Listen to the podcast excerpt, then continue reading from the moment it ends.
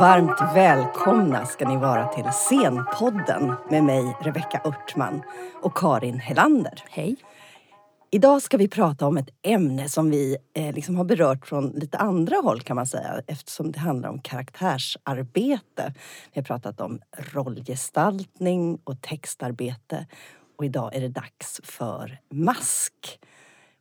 Med oss i studion har vi Rebecka Afzelius. Hej och välkommen! Hej, tack snälla. Eh, maskör är du. Mm. Vad, vad betyder det? Ja, jag är maskör och perukmakare. Ehm, och det betyder ju att jag eh, tar fram karaktärer, Mm. kan man säga. Och eh, det är ju ett väldigt brett yrke. Det är många som... Dels när jag säger att jag är maskör så hör de ofta massör. Ja. Och det är ju väldigt långt ifrån det jag gör. Eller så tror de att jag gör masker, att jag tillverkar masker. Ja. Eh, eller att det bara är skönsmink, liksom, makeupartist eller sminkös. Och, men vi jobbar ju lite annorlunda. Det är inte så ofta vi gör folk liksom snygga bara. Mm. Eh, Mm. Utan det handlar ju om att eh, hjälpa skådespelarna att hitta sina karaktärer. Mm. Liksom, förstärka dem. Och, och vissa blir väldigt hjälpta av det och Mm. har väldigt mycket egna idéer. Medan andra kan tycka att det är lite så här, nästan läskigt. Mm. Hur, hur ser en arbetsdag ut för dig på teatern? Eller när du ska, när du får, ska göra en, en karaktär? Ja, det är lite olika. För jag frilansar ju så jag är på väldigt liksom, olika ställen hela tiden. Det börjar ju liksom då med att läsa manus och skapa sina egna bilder. Och sen är det alltid samtal med regissör och kostymör ofta.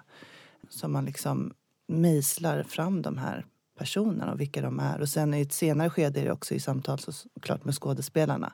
Vad de har för bilder. Och så börjar man ju med att göra maskprover på dem.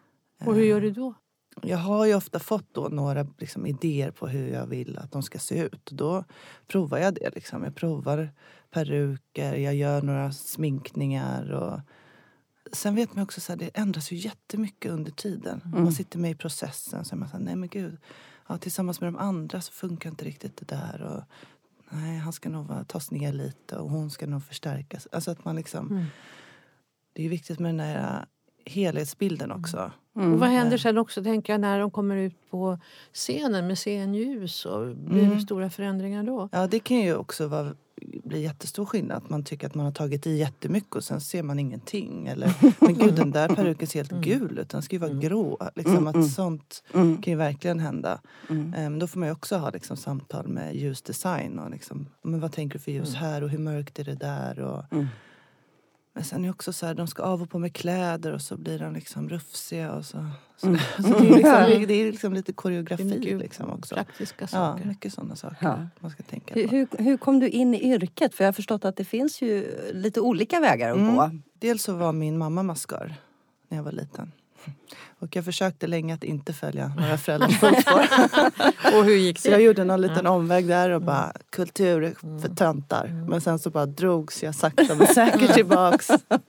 Vilket jag är väldigt glad för nu. Men så jag har liksom alltid haft teatern med mig. Liksom. Jag har ju sprungit runt där och, sen jag var liksom sju år. Mm.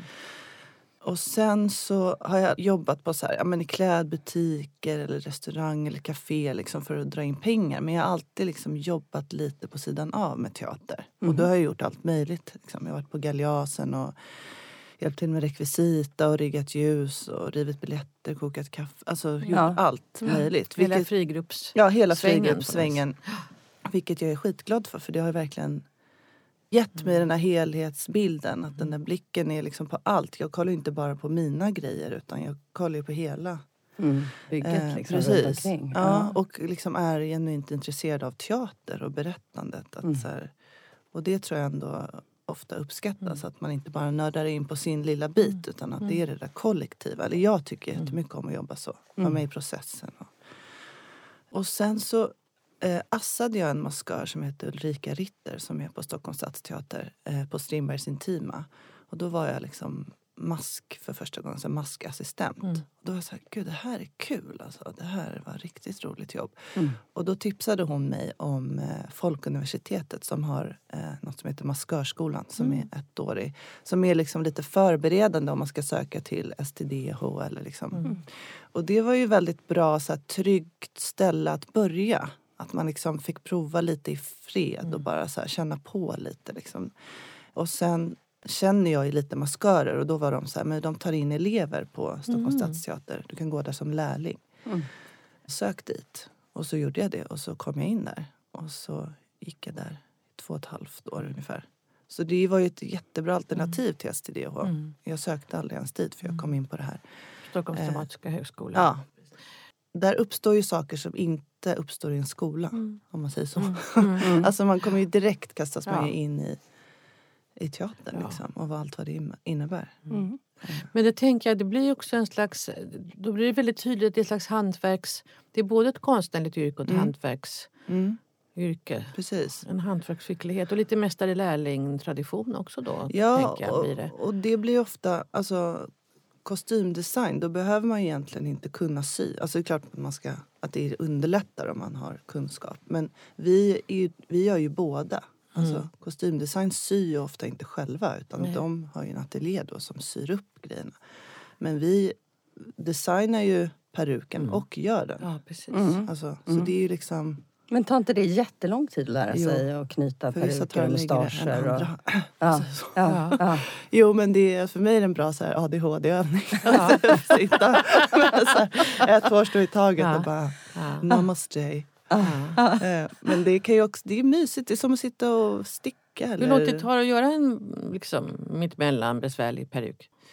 Det är ju jätte, jätteolika Mm. men, eh, ja, men en vecka typ. Mm. Men då får man ju också verkligen Sitta varje sitta. dag. För mig skulle det ta mycket Mm. längre tid. Mm. Alltså, men det går ju på en vecka. Ja. Knyter man mustascher och Ja, ja, ögonbryn? och... jättemycket Ja. mustascher. Ögonbryn har jag gjort också, det är väldigt kul. Ja. Morrhår och man kan göra allt möjligt Ja. med den tekniken. Vad, har, vad har du för, för andra liksom, element? Är det latex och lim och vi- gummi? jag Och... gick någon sån här äh, lösa delar kurs. Men det Aha. är ju sånt som man använder inte det så ofta. Det är inte så ofta någon behöver lösa delar. Så det är lite att börja om varje gång. Man bara, fan hur var det nu liksom? Ja, ja, ja. Men det tycker jag är så kul med yrket. För förut var jag bara rädd för det. Och bara, "Gud, jag hoppas ingen vill ha en nästipp nu för då ligger jag risigt till.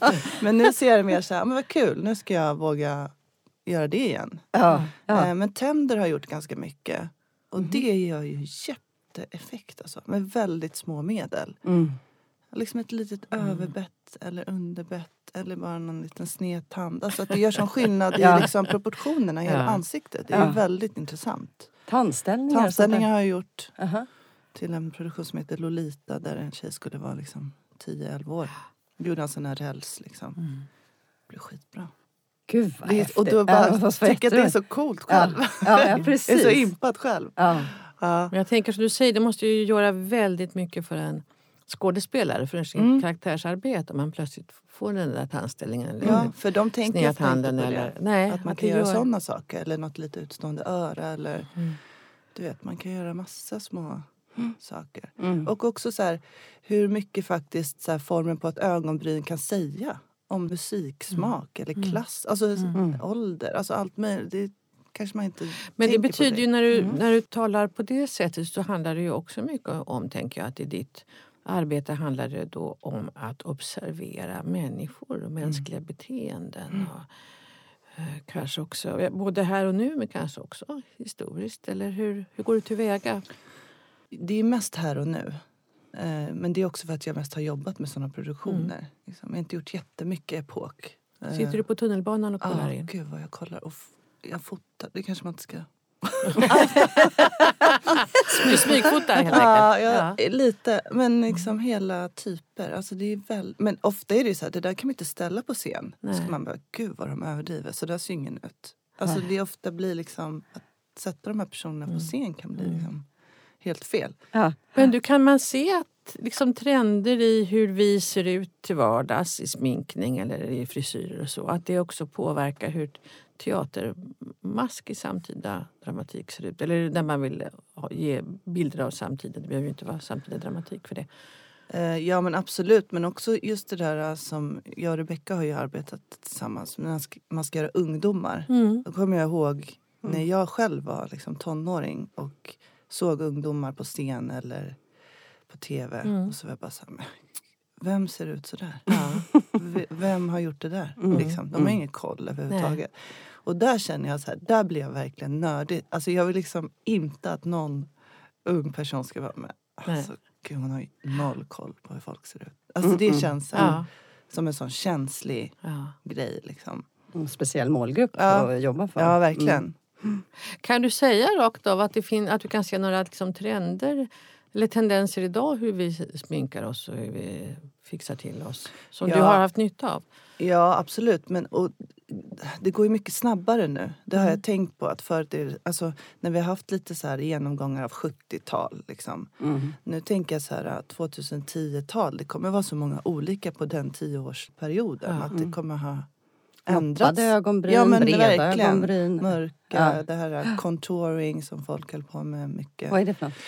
Man gör höjningar kan man säga på kindben och lägger lite liksom skimmer och sen så har man väldigt liksom, det är lite Kim Kardashian att man liksom lägger lite ljust på näsan för att den ska liksom se lite mindre och uppnäsigare ut och lite Blank. blank. Det gör min dotter. Ja men precis.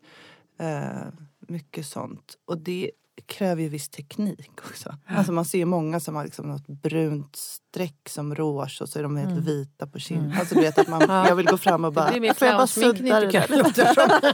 Ja men precis. Men liksom... Samtidigt, Var kommer det då? Är det från liksom, musikvärlden? Eller nej, men jag tror det är mycket influenser? Kardashians som ligger Mm. liksom i... Mm. Det beror ju såklart på. Och det är också så här, vad man är för typ av Mm. Vad man plockar Till exempel sina- en person. Ja, alltså andra plockar från helt andra. Ja. Liksom. Ja. Men du gör också skiss, eh, liksom skisser, en presentation av, Mm. av ditt första liksom, Mm. tankarbete på kollationeringen då, Precis. då man träffas allihopa. Ja. Men det är ju då när jag har läst manus och fått mina första bilder. Liksom. Mm. Men då tar jag ofta med bilder på liksom hur jag ser miljön också. Alltså att Mhm. jag inte bara tar liksom en, en sån lugg, ett sånt läppstift utan liksom mer också stämningen, hur jag Mm. liksom uppfattar Mm. vibben. Liksom. Mm. Men den här textanalysen då som, som du måste göra, Mm. både så sociologiskt och Mm. eh, liksom psykologiskt. Mm. Ehm, den gör du först för dig själv eller gör du den tillsammans med scenografen eller? Nej men först för mig själv absolut. Men sen så eh, pratar jag ju ofta med regissör, scenograf och kostym. Liksom. Ofta, eller ibland är ju scenografen och kostymen samma person. Mm. Ehm, typ så här, vad gör vi? Är det förhöjt? Är det nu? Alltså Mm. att man liksom så här direkt Ringar liksom, in. Är det, ja, ja. är det realism eller är det Mm. förhöjt? Eller hur, liksom, vad är det vi vill berätta? Mm. Vad är det viktiga? Liksom? För jag kan också bli så här, jag vill inte heller att masken ska störa om den inte ska störa. Om du Mm. förstår vad jag menar. Jag vill Mm. inte att någon ska sitta och så här, tänka på någon frisyr Mm. när man vill berätta något viktigt. Eller förstår Mm. att det inte, Mm. sånt är också Ta inte fel fokus. Nej, precis. Jag har jobbat mest med produktioner där de ska liksom kunna klara av det själva. Mm. Och det är ju en väldig utmaning. Alltså att skådespelarna ja, de ska liksom sminka, sminka sig, själva Ja. och fixa håret själva. Liksom. Ja, Och då, ja. då kan ju det se jätteolika ut vad Mm. de klarar av. Mm. Vissa är ju jätteduktiga på det. Mm. Medan vissa håller liksom penseln upp och ner. Och Mm. man bara, hur... Och då ritar du, ritar du liksom sminkscheman Ja, då då, på varje ansikte? Men jag börjar ju också liksom Mm. innan, alltså Mm. ganska långt innan premiär med att börja prata med dem om att det här kommer du göra själv Mm. och liksom så här, ge dem saker att göra liksom lite hela tiden så att man inte bara överger dem efter premiären och bara lycka till då! Mm, ja. Kom ihåg att hålla penseln inte upp och ner. Ja, utan. Men vet, vissa är ju så här, ser ju inte alls du vet att så här, luggen i nacken. Man bara, men ser det där? Tycker du att det ser... Du, jag kommer att tänka på en, en skådespelare för länge sedan, Lars Mm. Hansson som var på Dramaten mycket på 30, 40 och 50-talet, en bit in på 60-talet. Han var liksom känd för att inte bara då vara en stor skådespelare, han spelade mycket Shakespeare och Strindberg, utan också att vara liksom maskeringsmästare. Också när man läser recensioner så står det mycket om att hans maskeringskonst är så fantastisk. Mhm. Och man läser intervju med honom att han säger att jag måste göra masken själv och jag jag måste veta tidigt hur masken ska, ska se ut och sen sitter jag där och varje och liksom tänker ut och jag prövar och hur det ska kännas. Det måste liksom växa inifrån och det är ett sätt i mitt rollarbete att arbeta fram masken parallellt Mm. med, med rollen. Och sen sitter jag då, säger han, före varje föreställning ett par timmar och lägger masken. Och det blir en slags, förstår man, en slags ritual nästan att närma sig rollen i att han sitter och arbetar med maskerna. Så att jag vet ju att det får, måste vara många tunna lager så huden måste kunna synas lite. Och Ibland gör jag si, ibland gör jag så. Alltså oerhört medveten. Och det är hans eget arbete som man då får cred för. Att det är en del av hans skådespelarkonst att han klarar av Jobb. sin mask. Ja. Men finns, det, finns det den traditionen kvar? Eller är det liksom utdött med Lars Hansson? Nej, inte utåt, men just det där har jag liksom inte riktigt varit med om. Kanske någon gång att man känner så här, oj, nu... Däremot kan man känna så här, man sätter på dem en peruk och så börjar de liksom hitta någon röst samtidigt. Eller mm. "Ja, han har nog lite höjda axlar till den här frisyren. Alltså lite Ja, sådär kan ja, det ju vara. ja. Eh, men det är inte jättevanligt. Men Nej. däremot så, så när de liksom väl får sin mask så blir de väldigt, åh gud, du vet att så här, de uppskattar det väldigt Mm. mycket. Mm. För just det där att du skri- sa att eh, det, stod i recensioner Mm. och sådär. För det är en sån grej som jag vet att många maskörer liksom tycker känns jobbigt. Det är att det är nästan aldrig, våra namn står knappt Nej, med som en del av teamet. sant. Och vi får aldrig nästan några recensioner. Mm.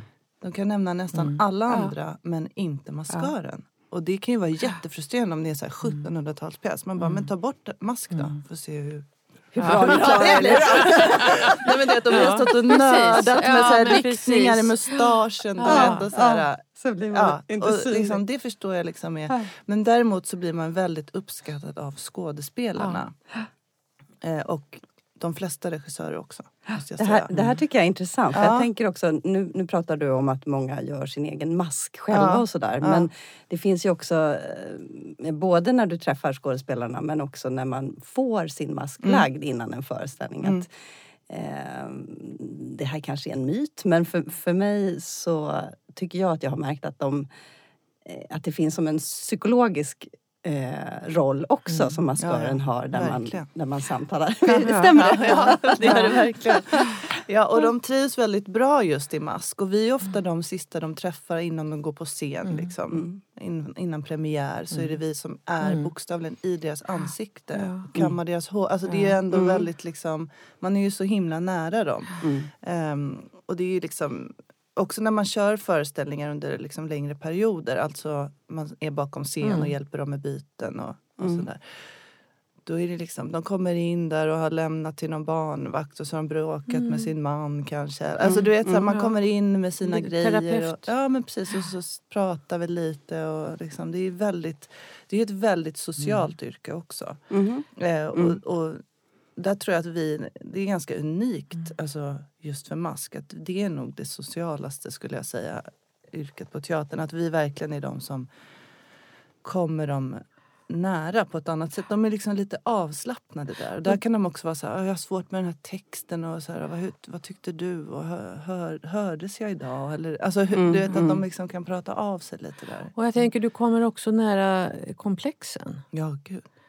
Och hur handskas man? Jag kan inte visa mig liksom Nej. den delen av ansiktet och Nej, mina och och Man lär sig mycket också om sig själv också. Och sina egna konstiga... Man förstår ju hur eh, lite de syns. Mm. Eftersom jag står med en skådespelare som säger så ja men mitt eh, ögonlock som hänger där. Och Mm. jag, liksom, jag ser det inte. Mm. Jag skulle aldrig ha tänkt på det. Mm. Det säger alltid, säg inte de här grejerna. För man tänker inte på det förrän du säger dem. Mm. då börjar man, då det, ser jag Mm. bara ditt ögonlock Mm. nu Ja, just det. Ja. Men där är det ju mycket sådär att så här, jag fattar ju, jag förstår dem ju också verkligen. De ska ju stå där på scenen. Mm. Så där får man också välja så här, måste det vara ett rött läppstift om hon verkligen vill ha ett cerise och det är så Mm. himla jobbigt för henne? Är det så viktigt? Alltså man får ju ta sådana beslut ibland. Är den där benan så viktig då? Mm. Och ibland kanske den är det. Och då får Mm. man vara liksom, jag tror att man bara inte får köra så hotfull stil liksom. Mm. Utan bara så här, men kan vi prova benan idag? Kan Mm. vi titta på den? Liksom. Mm. Och sen kan ju det där ändras. Och ofta handlar det liksom inte om benan. Utan Mm. det kanske handlar om karaktären Mm. eller Mm. Att man lägger texten sin eller att det är något hemma. Ja. Alltså det kan ju vara massa andra grejer. Liksom. Vad, vad kan, kan man säga så? Finns det några konfliktområden som är vanligare än andra? Eller vad brukar, det, vad brukar du stöta på patrull mest? Liksom? Ja men det är väl lite sådär att eh, vissa kan vägra vissa saker. Att de är så här, nej men jag vill inte ha peruk. Eller jag, Mm. Men det är ju, ja. Det är inte jätteofta jag stöter på riktig patrull. Alltså. Mm. Jag brukar liksom Mm. kunna lirka mig Mm. fram till det Mm. som, som jag vill ha. Mm. Men du, är det stor skillnad på, på både på resurser och på rutiner och ritualer om du jämför en institutionsteater och en fri grupp? Jag tänker med hur mycket skådespelarna själva sminkar sig eller om de får egna sminkscheman eller om man Mhm. också resurser i det material du kan få. Ja, det är lite olika. Men eh, till exempel, jag gjorde ju Fantomen på Operan på Cirkus.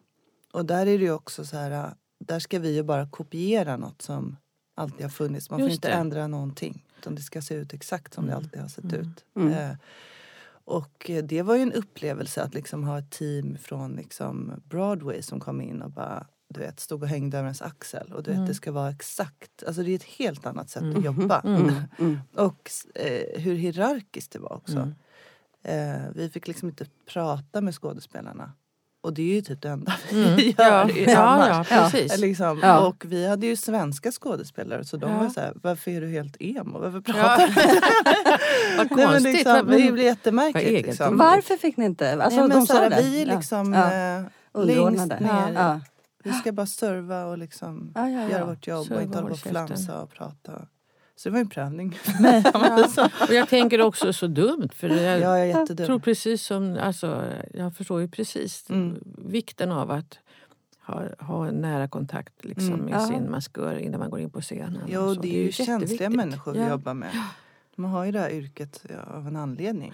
Alltså, för att de har alla de här lagren och har den här känsligheten. Och då blir det ju jättemärkligt att så här, inte Mm. kunna Få prata. någon respons. Ja, men verkligen. Men de var ju bara kvar till premiären. Ja, sen, sen så hade levde inga- vi La Mm. Vida Loca. Så det var hade ju inga spioner. jättetrevligt. Mm. Men, men du började mm, liksom direkt på teatern. Har Mm. det, mm, Ja, har det det- varit Alltså, det, smärtfritt? Ja. Nej, men det, det, var, det, det som är skillnaden tror jag mot liksom att utbilda sig på STDO till exempel. Det är ju att där tänker jag att man har en mer strukturerad utbildning. Så här, nu har vi perukmakeri i en, två månader. Mm. Så, så funkade det ju inte där. Mm. Där fick man ju ta väldigt mycket eget ansvar för sin utbildning. Vilket jag inte var jättebra på i början. Också för att jag inte visste riktigt vad jag vad som fanns att lära. Alltså det är Mm. svårt att be om Mm. saker som man inte vet finns. Så att jag gick runt där lite och bara, jaha, ja, vad ska man Mm. göra? Och sen så blir det liksom så här, ja men du behövs här och så, vi behöver en peruk och då får man ju liksom bara så här, Mm. okej, ja men då, då lär vi oss det då. Ja, Liksom. just det. Eh, och sen är det såklart läskigt att så här, göra sin så här, första eyeliner på typ Helena Bergström Mm. och inte på en Jag får inte vara klasskompis. där. Nej, men du vet, bara, jag ber om ursäkt i förväg Ja. för de här lösfransarna. Eh, men, eh, men samtidigt får man ju ett jättebra kontaktnät, jättebra förståelse för hur det funkar. Alltså, det är ju liksom, har ju varit guld att vara där. Och Mm. jag har liksom blivit väldigt väl bemött och omhändertagen måste jag säga. Mm. Liksom in, inte varit många eh, obehagliga situationer. Mer än de jag skapat själv. För att Mm. jag, ja, man är ju rädd liksom. Man ska, Mm. När det sitter en publik. Mm. Alltså, så här, Det är ju Mm. inte så här, nu provar jag den här frisyren. Liksom, Se hur det som funkar. ingen ser. Ja. Utan, ju rakt ut, ja, liksom, rakt ut. i- rampljuset. Precis. Ja. Ehm, Inspiratörer då? För du säger att du tittar på folk eh, på tunnelbanan Mm. och tjuvkikar liksom Mm. på karaktärer och så. Finns det andra typer av inspiratörer som, som du använder dig av? Ja, alltså jag kollar ju på mina kollegor. Alltså, det är ju också en grej på teatern att där har ju vissa varit i 30 år. Liksom. Mm. De har ju enorm kunskap. Alltså, Mm. ja, det är bara att suga i sig. Mm. Eh, men Hur många också, år har du arbetat i yrket? Kanske fem år eller något. Mm. något sånt. Nej men att jag blir jätteinspirerad av andra maskörer och se hur de gör. Alltså, det, det är mycket Mm. så här smarta lösningar. Bara, just det där är smart. Man kan göra liksom. Mm. Har du lärt dig några bra knep? Så där som du... Ja, Man jag kan förstå vad ett att jag- maskörknep är. Nej men just det där att man eh, tänker så här. Ja, om jag ska ändra den här eh, personens hår så måste hon ha en peruk. Men som jag gjorde till exempel i din föreställning att så här, nej men jag sätter bara på henne en lugg typ. Mm. Och så blir det en jätteskillnad. Alltså att man kan Rebecka liksom- gjorde Mask till Spegla mig, Ja. en ungdomsproduktion som jag regisserade. Riksteatern ja. Mm. Nej men sådana trick att man kan liksom Mm. lägga på något som man tänker är ganska lite men att det gör jätteskillnad. Mm, och att den där luggen Ja, får- Eller linser, alltså att det är liksom sådana där små grejer som kan Ja. som är trick liksom. Men du är inspiratör. Du sa att du har mest jobbat med samtida liksom dramatik eller Mm. att det utspelas i samtiden. Men, eh, och inte så mycket historiskt. Men Mm. tittar du på konstbilder till exempel? Någonting, eller? Alltså jag är från ett sånt hem. Mm. Liksom. Min mamma är konstnär. Så jag, jag tror att jag har fått någon så här, åh konst och gud. Jag, jag har ju säkert sett hur mycket som helst. Ja. Men jag sätter mig inte och kollar i konstböcker. Nej. Och mamma bara överöser mig med Ja. sånt. Och jag bara, Det kommer att bli som i ditt yrkesval. Vänta tio Ja, år så kommer du exakt. sitta Jag är, där lite, med- jag är lite seg där. Men Ja, eh, ja. det kommer Ja, säkert. Trots åldern Ja. Ja, fortfarande. jag är fortfarande lite trots åldern. Alltså. Men också att jag märker hur mycket jag ändå har snappat upp. Ja, Alltså genom att vara i den här miljön. ja. Mm. Eh, både i konsten och teatern. Att så här, jag har ganska mycket. Mm. Och jag är mer så här, okej nu ska jag göra det här och då kollar jag efter bilder då. Mm. Det är inte att jag sitter bara... Nej. Lapar Men du kan ändå Nej. göra så att du tänker att du, för att få inspiration till just den här masken Mm, mm. så Ja, då kan jag jag liksom bilder. ändå. Ja. Ja. Och vad, vad kan du kolla då någonstans?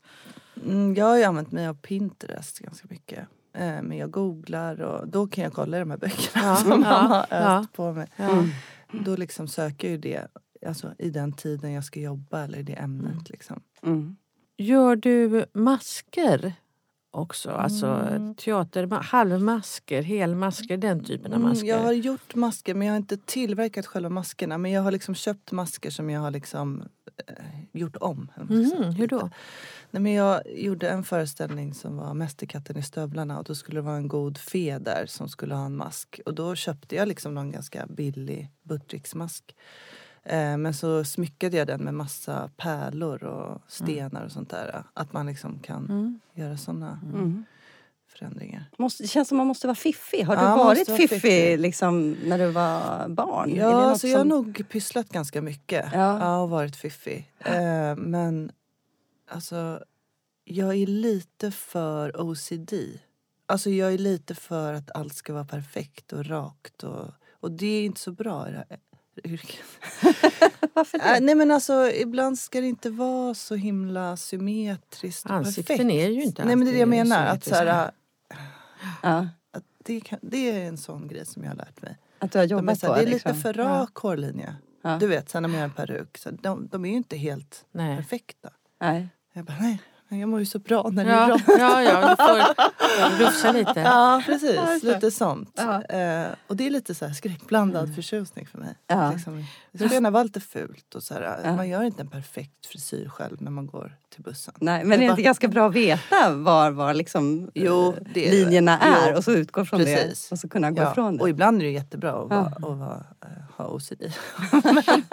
Men du, jag tänker på också, har du, har du jobbat någonting med eller har du tankar kring hur man också skapar karaktär så tillvida att man till exempel lägger på mycket. Ja, du, med ålder, eller du sa att en tandställning gjorde ju susen då, Mm, i mm. För att göra en liten flicka. Men finns det sätt att, att maskera sig till ålder eller byta kön? Ja, och det den där är typen ju av väldigt förändringar. känsligt tycker jag just med ålder. Att så här, det värsta jag vet är så här målade rynkor. Alltså, Ja, vet, jag tycker bara det ser hemskt ut. Men jag skulle göra en kvinna som skulle vara 103 Mm. på Riksteatern.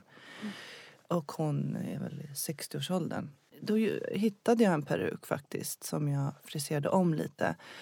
Jag tunnade ut den liksom i bakhuvudet. Du vet att man liksom har tappat lite precis. där bak. Ja. Liksom. Och så såg man lite hud emellan. Och den var liksom lite tufsig, lite sådär fågelunge Ja. fjunig Mm. liksom. Mm. Och så fick hon på sig den. Och sen så bara sminkade jag ner ögonbrynen lite. Mm. Och sen så finns det så latex som man kan använda som rynkor. Då Mm. spänner man liksom ut hennes hud så mycket man Mhm. kan. Och så penslar man den här latexen och torkar med en hårtork. Mm. Och så när man släpper då blir det liksom rynkor Ah. i huden. Liksom, för att det blir som ett tunt, tunt lager över så kan man liksom forma det lite. Och just göra liksom så subtila, liksom någon liten åldersfläck men verkligen inte Alltså man tror att så här, ja, då ska jag göra stora rynkor. Ja, man tänker att man fyller i, att Ja. det kan vara nog så plågsamt för en skådespelare. Man fyller i Ja. de rynkor man redan har. Liksom. Ja, nej men för henne var det också lite så här, men gud jag ser ut som min mamma. Alltså du vet Ja, att man, det precis. är också så här, det är lite känsligt Ja. sånt där. Att Mm. så här, Mm. nu ska jag göra det jättegammal till Mm, exempel. Att det kan vara ju liksom obehagligt. Ja, visst. Eh, Men det blev väldigt bra. Ja, det blir liksom en slags existentiell... Ja men det blev chock verkligen så. Ja, Tony sa okej det är hit vi ska Ja. liksom. Ehm, Det är som Instagramfilter och sånt där. Man kan Mm. lägga på Mm. olika åldrar. Och precis. det måste ju vara Ja. fascinerande tänker jag för maskören också Ja. att se att det har blivit så stort Mm. för, för den breda Ja. massan att Ja, kunna att förändra sitt ansikte. Precis. Men också att det är så här, just när det kommer till mask, att jag tror mer på små saker Mm. än att alltså här, ja, men en kvinna ska se mer ut som en man. Att det är lätt att så, ta i för mycket. Mm. Mm. Så här, vad är det egentligen? Och sen är det jättemycket skådisens kroppsspråk och röst. Alltså att då, det hjälper ju till också jättemycket. Mm. Att inte liksom eh, överdriva helt Mm. enkelt. Jag tänkte när du sa det här när du gjorde den här Ja. åldrade Latex. latex. Hur pallar ansiktet för det och fem dagar i veckan? Alltså, Mm. hur, Nej men då får man ju ha liksom bra produkter eh, och sen har man vaselin under den här latexen Ja. för att skydda huden. Sen finns det liksom en eh, skum som heter hud som man kan ha under sminket som är liksom som en skyddande, typ som en primer kan man Ja. säga. Som man har under för att skydda liksom. Men det är ju sånt som är jobbigt för skådisar att det är det här sminka Mm. av och på hela tiden. Och, och det måste ju ändå finnas de som får eksem eller allergier. ja men eller, vissa är ju jättekänsliga och då får man ju tänka om liksom. Ja. Helt enkelt. Du pratade om det här med byte bakom scenen. Mm. Jag tänker Mm. för, för Mm. någon som inte har Nej. varit på teatern. Vad, vad menar man med ett byte bakom scen? Ja, men dels så kan ju en skådespelare spela flera karaktärer i samma pjäs. Liksom. Mm. Det är så här, nu är jag bonde och nu är jag präst till exempel. Mm.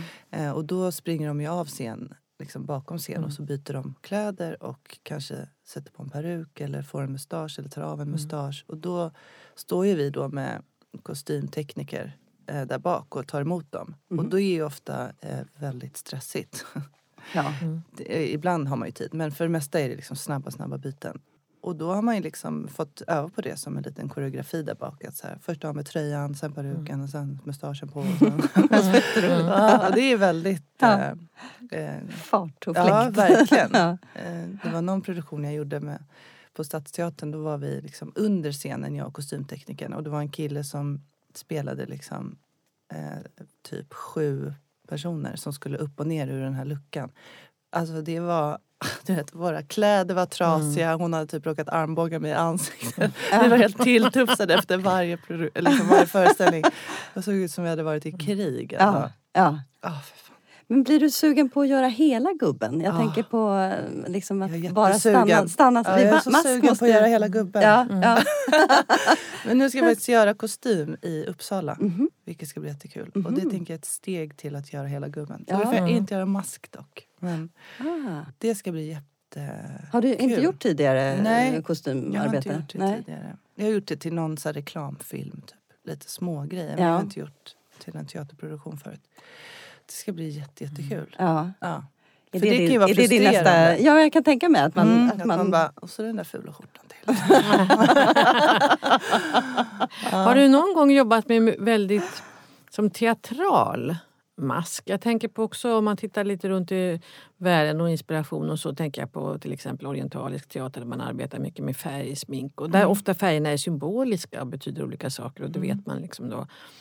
Det. Eh, eller så eh, man tänker commedia dell'arte, masker och Mm. halvmasker och så. Så där, där liksom, ma- man vet där masken täcker en karaktär så Mm. att säga. Att varje karaktär, karaktär har sin egen mask. Mm, Just det. Nej, men det är väl då Fantomen på Operan där det var liksom väldigt mycket smink. Mm. De produktioner jag har jobbat på har inte varit jättemycket smink på det sättet. Liksom. Mm. Men där var det liksom stora ögonsminkningar som gick liksom ut i tinningarna. Alltså Mm. med mycket färg. Mm. Och liksom. Sådär. Men det är ju lite den gamla skolan. Alltså när min mamma jobbade då var det mycket fetsmink och sånt där som användes. Som är liksom ett väldigt, eh, väldigt mycket pigment och väldigt tjockt smink liksom. Som man har i ansiktet. Nästan man som liksom, en målning. som Liksom. krä- ja men Ja. precis. Och man liksom Först la fetsmink och sen pudrade man på det och sen la man liksom torrsmink över. Alltså som ögonskuggor till exempel. Man la det i flera lager. Alltså det är väldigt sällan man jobbar så. Eller jag har inte jobbat så. Men tänker jag igen på Lars Mm. Hansson som var noga med att man skulle ha tunn, tunna Mm. lager Mm. smink. Så är det ju mer nu, att man Ja. liksom vill se den egna huden. Ja men precis. Och det är mycket så här att det ska se osminkat ut och, och sådär. Hur är det på... Du jobbar också för tv och film och så. Mm. Som, Då Mm. heter det inte maskör, eller? Heter det? Jo, jag tror jag gör det. Ja. Maskdesign kanske. Eller Maskdesign, mascara. ja. Ja. Jo, men jag har jobbat lite på tv. Sen har jag inte jobbat jättemycket på det för att det är lite svåra tider för mig. För att jag är ensamstående med ett litet Mm. barn och det är liksom, man kan börja sminka sen 04.15. Oj, då vet ja. jag inte riktigt vad Ja. mitt barn ska Nej. Så då har teatern passat bättre. Men jag har gjort lite, det är en helt annan värld alltså. Jag är liksom ovan vid den. Alltså jag har jättesvårt att få en bild av så här, blir det här bra? Blir, alltså det är så svårt Mm. att veta hur det blir. I kameralinsen? Ja, liksom. eller liksom hur hela liksom, programmet blir. Mm. Alltså en Mm. föreställning kan man ändå säga, ja men det här, man ser bygget liksom på ett Mm. annat sätt. Mm. Har kanske också mer tid på sig under en Ja. repetitionsprocess att liksom... Precis. Eh, Och jag har liksom hoppat in och ändra. assat mer så jag har liksom inte varit med riktigt. Jag vet inte hur de börjar liksom. Men det, jag kan tänka mig att det är ungefär samma. Att de får ett manus och liksom Mm. kan börja liksom bena ut hur Mm. mycket peruker. Och, men där är ju så här i HD närbild på en peruktyll. Alltså Mm. jag får ju ångest Mm. bara Mm. Ja. Det är liksom skoningslöst. Mm. Alltså, stora scen. Man bara, äh, Mm. det där ser väl ingen. Men här är ju verkligen liksom, måste det ju vara. Där Mm. snacka om finlir Ja, alltså. ja.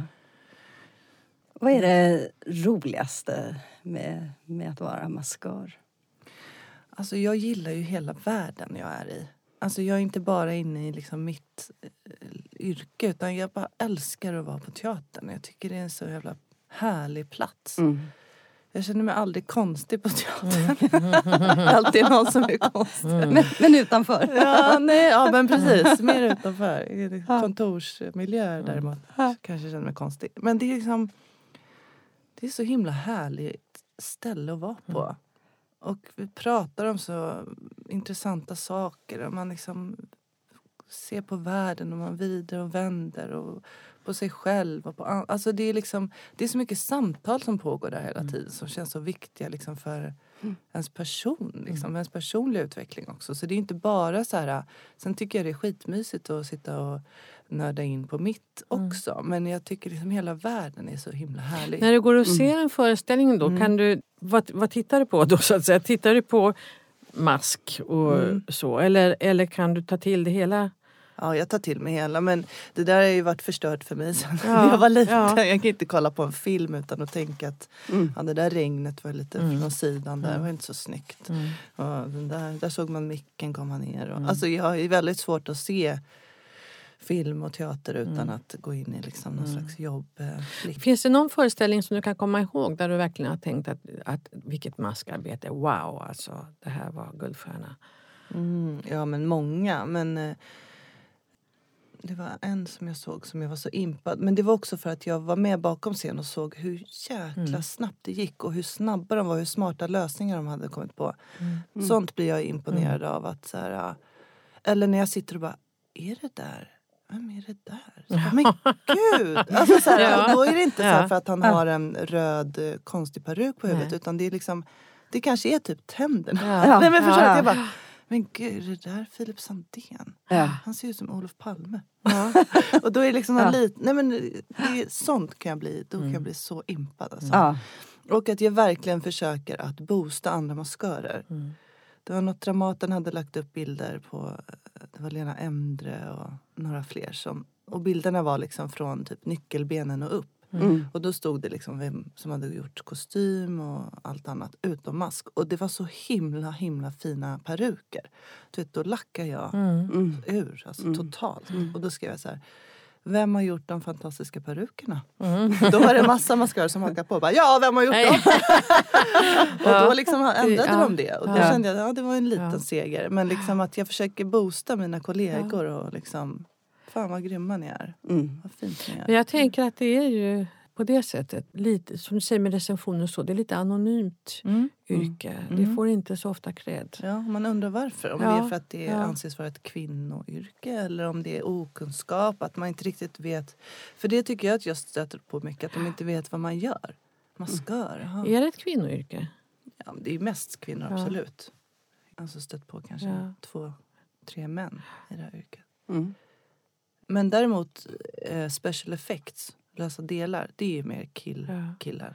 För så tror jag inte att det var förr. Jag har bara en vag känsla av nu att det skrevs en avhandling för länge sedan om perukmakare just på Operan och så.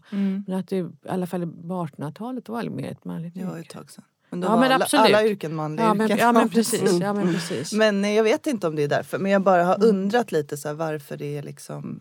Fast jag tror att det är inte nämns. bara, jag tror inte Kanske bara att det är, nej men jag tror att det gäller fler. Jag tänker när vi, alltså teater, musik, eh, ljus, eh, kostym. Mm. Eh, alltså det är egentligen många kategorier som inte får den cred som Mm, de förtjänar. Fast alltid de får står med. oftare, det håller jag med om. Mm. Nej men Men att absolut. det, Men, eh, det är lite fallande skala från liksom, Mm. författare, regissör, skådespelare. Mm. Och, Hur är det mm, all- allmänt tänkte jag säga, men mer, mm, är det så att folk förstår på teatern maskörens arbete?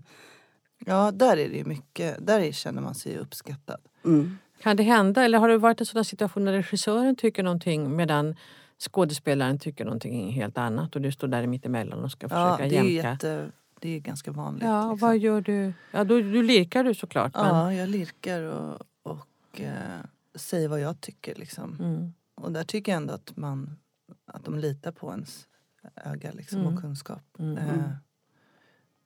eh, så det brukar inte vara så stora problem faktiskt. Men då kan man säga, om man skulle ringa in det lite, Mm. så, så finns det liksom hög kompetens inom teatern Mm. för, för yrket men inte så synlig heller när, Nej. när, när man gör reklam för det utåt. Mm. Och, folk som rör sig utanför vet inte riktigt vad maskörens arbete, hela arbete är. Nej. Finns det något annat som, som man känner så här, det här skulle jag vilja se mer av som maskör? Det här skulle jag vilja, förutom att man vill lyfta Yrke. yrket i, för sin roll. Skulle, Finns det något som du drömmer om att få göra? Alltså gud, jag är så dålig på att drömma. Jag är så nöjd redan. Men, eh, nej, men för mig skulle det väl då vara att få göra en hela, hela gubben. Liksom. Ja. Men jag tycker också att det är ju något fantastiskt med, med den här världen. Är att man kan göra så mycket olika grejer. Alltså jag känner ingen begränsning. Nej. Alltså jag känner att jag skulle kunna gå ihop med folk där och skriva något. Eller, alltså jag menar det Mm. finns så himla Mm. mycket jag skulle kunna göra. Och Mm. det tycker jag. Och där också mm, mamma inspirerat mig. Att man kan ha flera yrken liksom under en livstid. Man Kanske bäst du säger vem din mamma är. För Jaha, folk ja. undra. Nej, men hon heter Marianne Lindberg. där Ja, hon gör allt Ja, hon möjligt. är ju både konstnär, författare dram, Ja, hon dramatiker. liksom, och, ja, Och maskör. och ja, maskör. maskör. Precis. Mm. Eh, och det tycker jag är väldigt eh, coolt. Mm. Att känna så här, gud nu gör jag det här och det är skitkul. Mm. Men jag kan också göra något annat sen. Alltså, Du, vad händer om man inte gör någonting? Om du låter en skådespelare gå in på scenen i, på Stadsteaterns eh, Mm. lilla scen eller stora scen och Ja. inte, inte ja, det är intressant alls. det där med, då? med att Hur man man inte ut? gör någonting. Att det, liksom, det blir då någonting ändå. Ja. Då säger ju det någonting ändå. Mm. Det skulle ju kunna funka. Det beror helt på vad det är. Men, men eh, det syns liksom att... Alltså, det är jättesvårt att förklara men det blir ändå, man påstår ändå någonting Mm. med Mm. det. Om din ambition är att sminka skådespelaren så absolut naturlig Mm. som möjligt. Mm, mm. Så att man ska tänka att det är, inte, Osminkat. och att det är osminkat. Ja. Vad, vad gör du då? Ehm, det beror på hur stor scenen är. Eh, ibland så behöver man ju verkligen ingenting nästan. Mm. Men eh, det är ju det här om man sitter jättelångt bak då Mm. måste man ju ändå hjälpa till med någon blick. Och det är väldigt få skådisar som känner sig bekväma med att vara Ja, helt osminkade på scen. Men då kan man ju till exempel ta bara någon, en mascara som är liksom brun och så lägger man den bara liksom i roten, bara Mm. längst in Mm. närmaste ögat. Mm. Bara för att det ska liksom landa. För det är också, Ja. ljuset kan ju också slå ut allting. Liksom. Mm. Och det handlar ju mer om att bara skugga in lite försiktigt i brynen. Alltså bara så att liksom, man delar upp ansiktet för annars blir det liksom bara en liksom en, ett ingenting, ett Mm. blurr. Liksom. Mm. Utan man måste ju ändå ha Ja, drag. blurr vill man liksom. inte Blurr ha. vill man Nej, inte ha. blank. Nej, precis. Det bara, är det, vad är det där? För, utan det, då handlar det mer om att så här, dela upp ansiktet så att man ser liksom, ja, men, Konturerna. konturerna. Mm, Liksom, av det. mm. Men, och just ha en, liksom, kanske en tunn grund bara på liksom, om det är lite röda partier, lite sådana saker. För annars blir de här röda jätteröda och Ja. då betyder ju de något. Ja. Alltså, Jag bara funderar på det där du sa om att man kan använda eller att man kan bli flera yrken Mm. eh, under sin livstid. mm. Är det, det känns som det har brutits upp. Det här är bara en, uh, en reflektion till Mm. både, båda er. Mm. Eh, tidigare att det har varit mer stupränne. Eh, liksom, Mm. Håll dig till det du kan som skådespelare. Mm. Eh, men att man går mera, mer och mer över gränser. Att man både regisserar och gör mask eller man gör mask och man skådespelar. Mm. Man man liksom börjar bryta upp de där. Mm. Eh, stämmer det eller vad, vad, tror ni? Så jag tänker att det måste ha, eh, alltså att det hände mycket med fria grupp. Explosionen där Ja, slutet på det. 60 början på 40-talet. Där man, ja, det som du sa, Mm. på Galeasen, man gjorde ju liksom allt. Mm. Och jag kan ju komma ihåg att vi la ju egen mask. Och en gång hade vi, kommer jag ihåg, just en maskör som kom och gjorde sminkschema. Det var ju liksom, Mm. oj, vad, det Lyxigt, kändes eller? lyxigt. Ja. Mm. Och man verkligen fick skola in sig lite grann i alla fall. Jag tänker också att de som väljer de här yrkena har ju ofta ett intresse för teatern Ja. överlag. Alltså att man ser det som en rikedom istället. Så här, ja, Rebecka kanske inte bara har koll på mask. Så här. Hon har ändå hon har lite koll på det här också och vi kan prata om eh, texten. Med. Alltså så att man liksom, det är en rikedom att ha Ja. alla de här människorna på de här ställena som man kan liksom Berika Det finns ju många, många gör ju både scenografi och kostym. Mm, mm. Och nu igår var jag på Unga på Operan och såg premiären på När då då? Där Pia Lindenbaum som är författare och illustratör. Hon hade gjort texten, scenografin, kostym och Ja, mask till du ser. exempel. Mm. Eh, Det finns ju ljussättare som regisserar. Och Mm.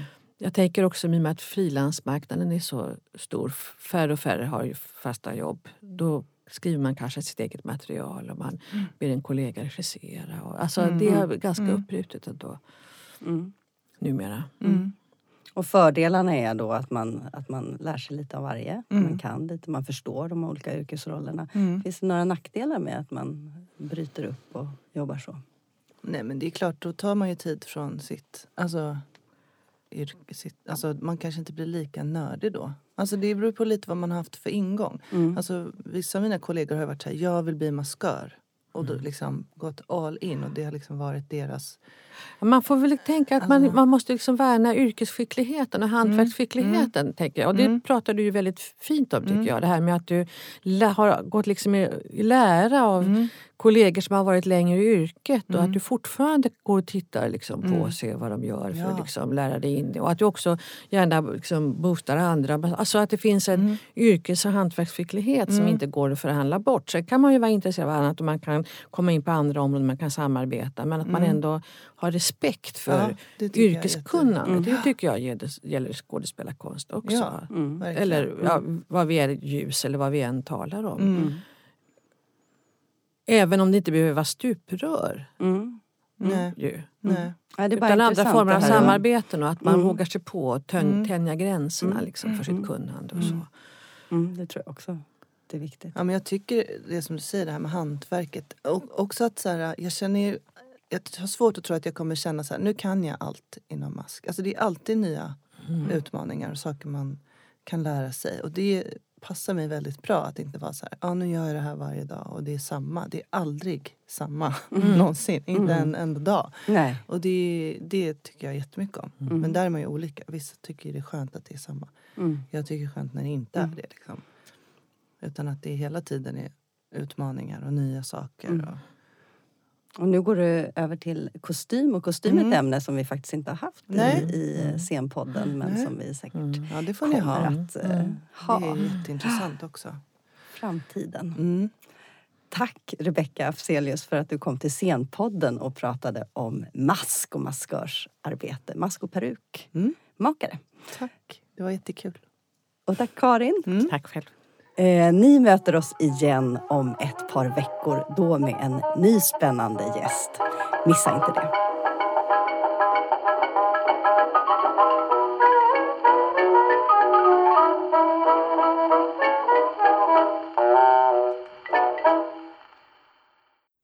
Du har lyssnat på Scenpodden, en podcast från Rats Teater och Humanistiska fakulteten vid Stockholms universitet.